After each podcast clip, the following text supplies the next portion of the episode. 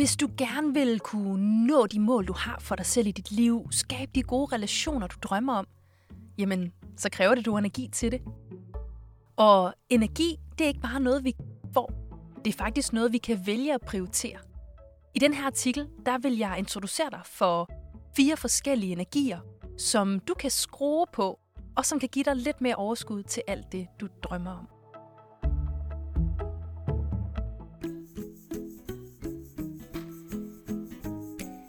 Energikompasset sætter fokus på vigtigheden af, at vi prioriterer vores energi for at have overskud til at træffe gode valg for os selv.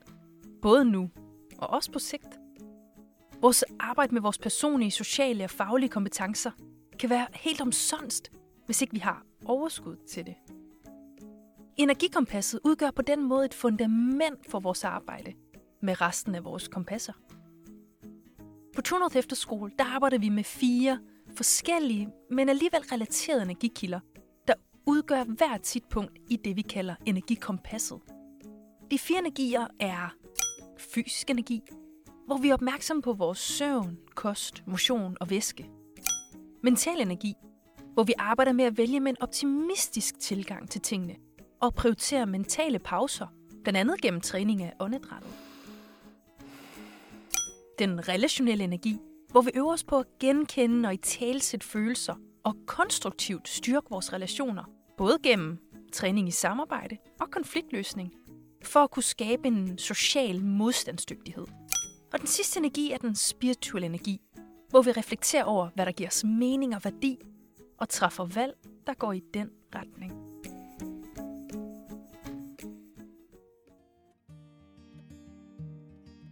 Vores arbejde med de fire energier tager afsæt i bogen Full Engagement af de to amerikanske psykologer, Jim Lower og Tony Schwartz.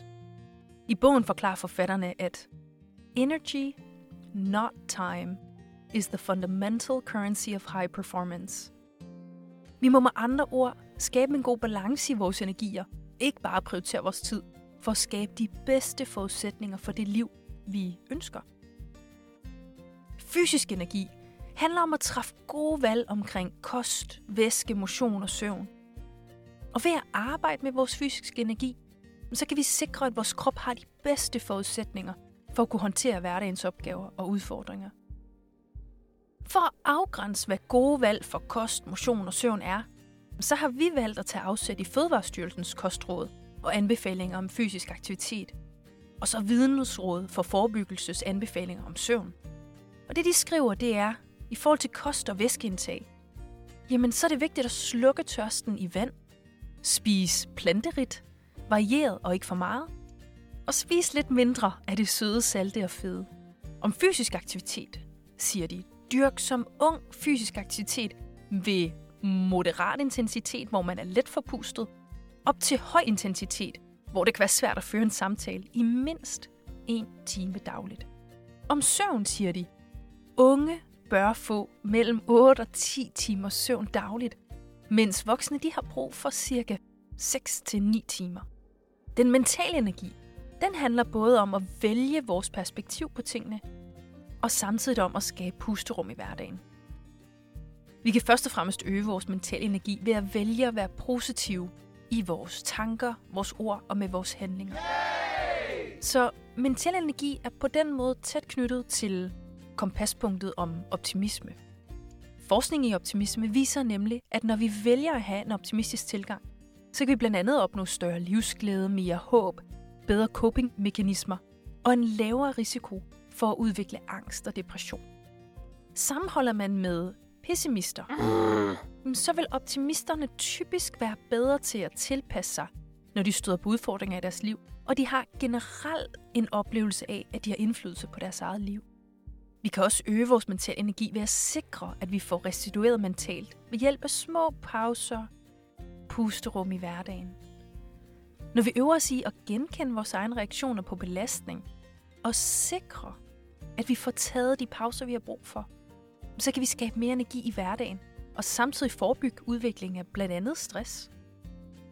Emotionel energi handler om at genkende og anerkende de følelser, vi har, og dernæst om at træffe valg, der er i integritet med vores værdier. Du kan læse mere om integritet i en af vores andre artikler. Vi har valgt at træne den emotionelle energi ved hjælp af det, vi kalder stop-modellen. Der er et værktøj fra den kognitive adfærdsterapi. Den kan du se mere om i øh, bogen Kognitiv adfærdsterapi med børn, unge og familier, som er skrevet af Lisbeth Jørgensen og Christina Schlander. Stopmodellen den kan bruges til at genkende i talsæt og handle på følelser. Bogstaverne stop, de står for stop op, træk vejret, observer, hvad du føler, og anerkend det. Prioriter dine værdier og bevæg dig mod det, som er vigtigst for dig. Det kan være følelsesmæssigt hårdt og krævende i situationen. Men for hver gang vi lykkes med at håndtere en presset situation på en måde, vi kan være integritet med, så vinder vi lidt større tiltro til vores egne evner.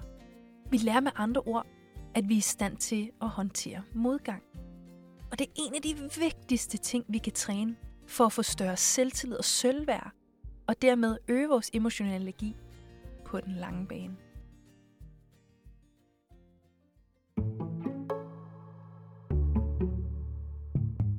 Spirituel energi handler om at reflektere over, hvad det er, der giver os mening i livet, og træffe valg, der er i overensstemmelse med det. Som mennesker så er vi meningsdrevne, og det betyder, at hvis vi ikke forstår, hvorfor vi gør det, vi gør, så kommer vi ikke til at gøre det hele hjertet.